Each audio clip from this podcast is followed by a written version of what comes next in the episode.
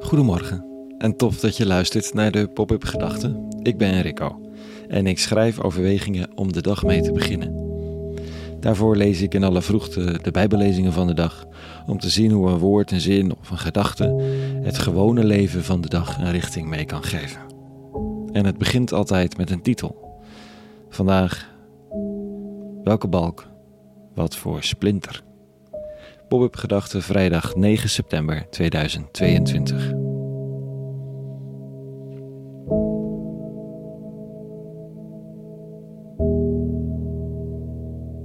Toeristen die op het fietspad lopen.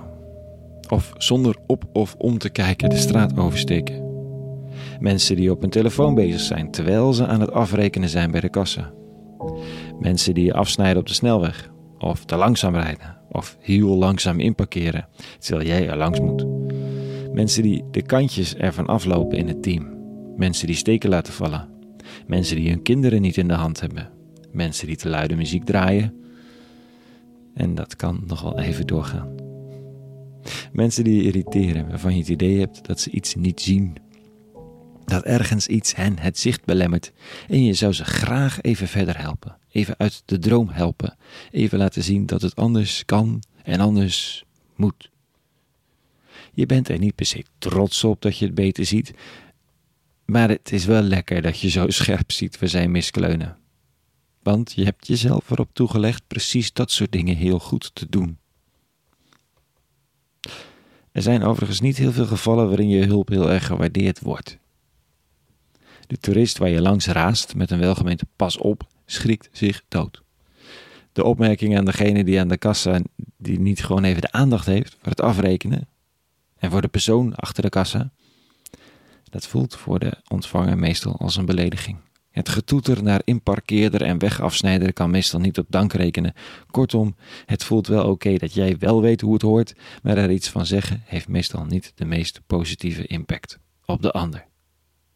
Maar hé, hey, je hebt wel gelijk. Vandaag zegt Jezus van Nazareth dit. Waarom kijkt u naar de splinter in het oog van uw broer en zus en slaat u geen acht op de balk in uw eigen oog? Hoe kunt u tot de ander zeggen: Mm, broer, zus, laat mij de splinter uit je oog halen, terwijl je de balk in je eigen oog niet opmerkt. Huigelaar, haal eerst de balk uit uw eigen oog. Dan zult u scherp genoeg zien om de splinter te kunnen verwijderen die in het oog van uw broer of zus zit. Het is voor velen een overbekend stukje, maar vanochtend zat ik me af te vragen waar het eigenlijk over gaat. Hoe is de toepassing hiervan? Is het gewoon groot versus klein? Je zeikt over kleine dingen terwijl je zelf in grote dingen een sukkel bent. Je ziet een splinter bij de ander met hetzelfde een balk in je ogen of een bord voor je kop. Dat kan, maar kan het nog concreter? Bedoelt de rabbi het nog concreter? Nou, waarschijnlijk wel. Hij heeft zojuist in de, in de zinnen namelijk hiervoor zijn grote missiestatement, zijn inaugurele reden afgestoken, de bergreden. En daarin gaat het volop over het grote gebod van de liefde. Over onvoorwaardelijkheid. Heb je vijanden lief. Geef zonder terug te verwachten.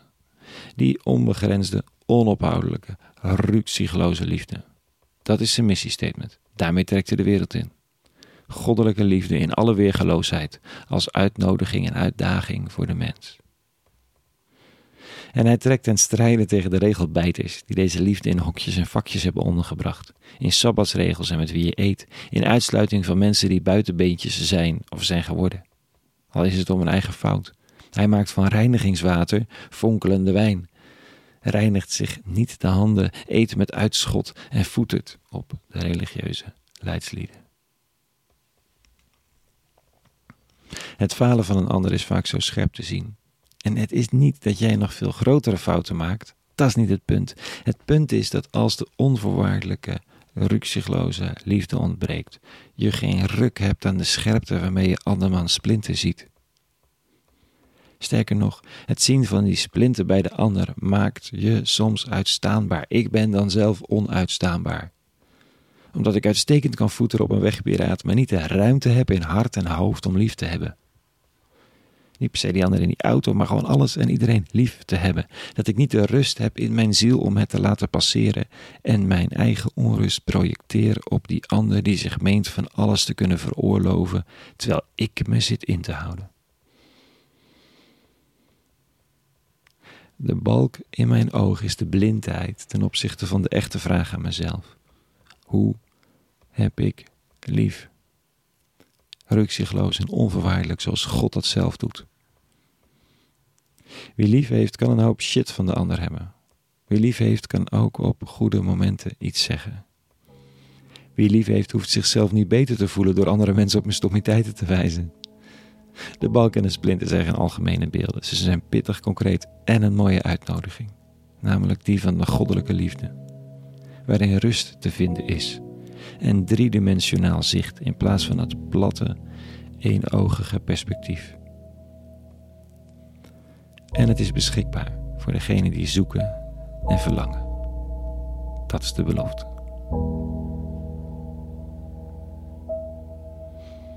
Tot zover vanochtend. Een hele goede vrijdag gewenst en een heel goed weekend. Maandag weer een nieuwe pop-up gedachte en voor nu vrede gewenst. En alle goeds.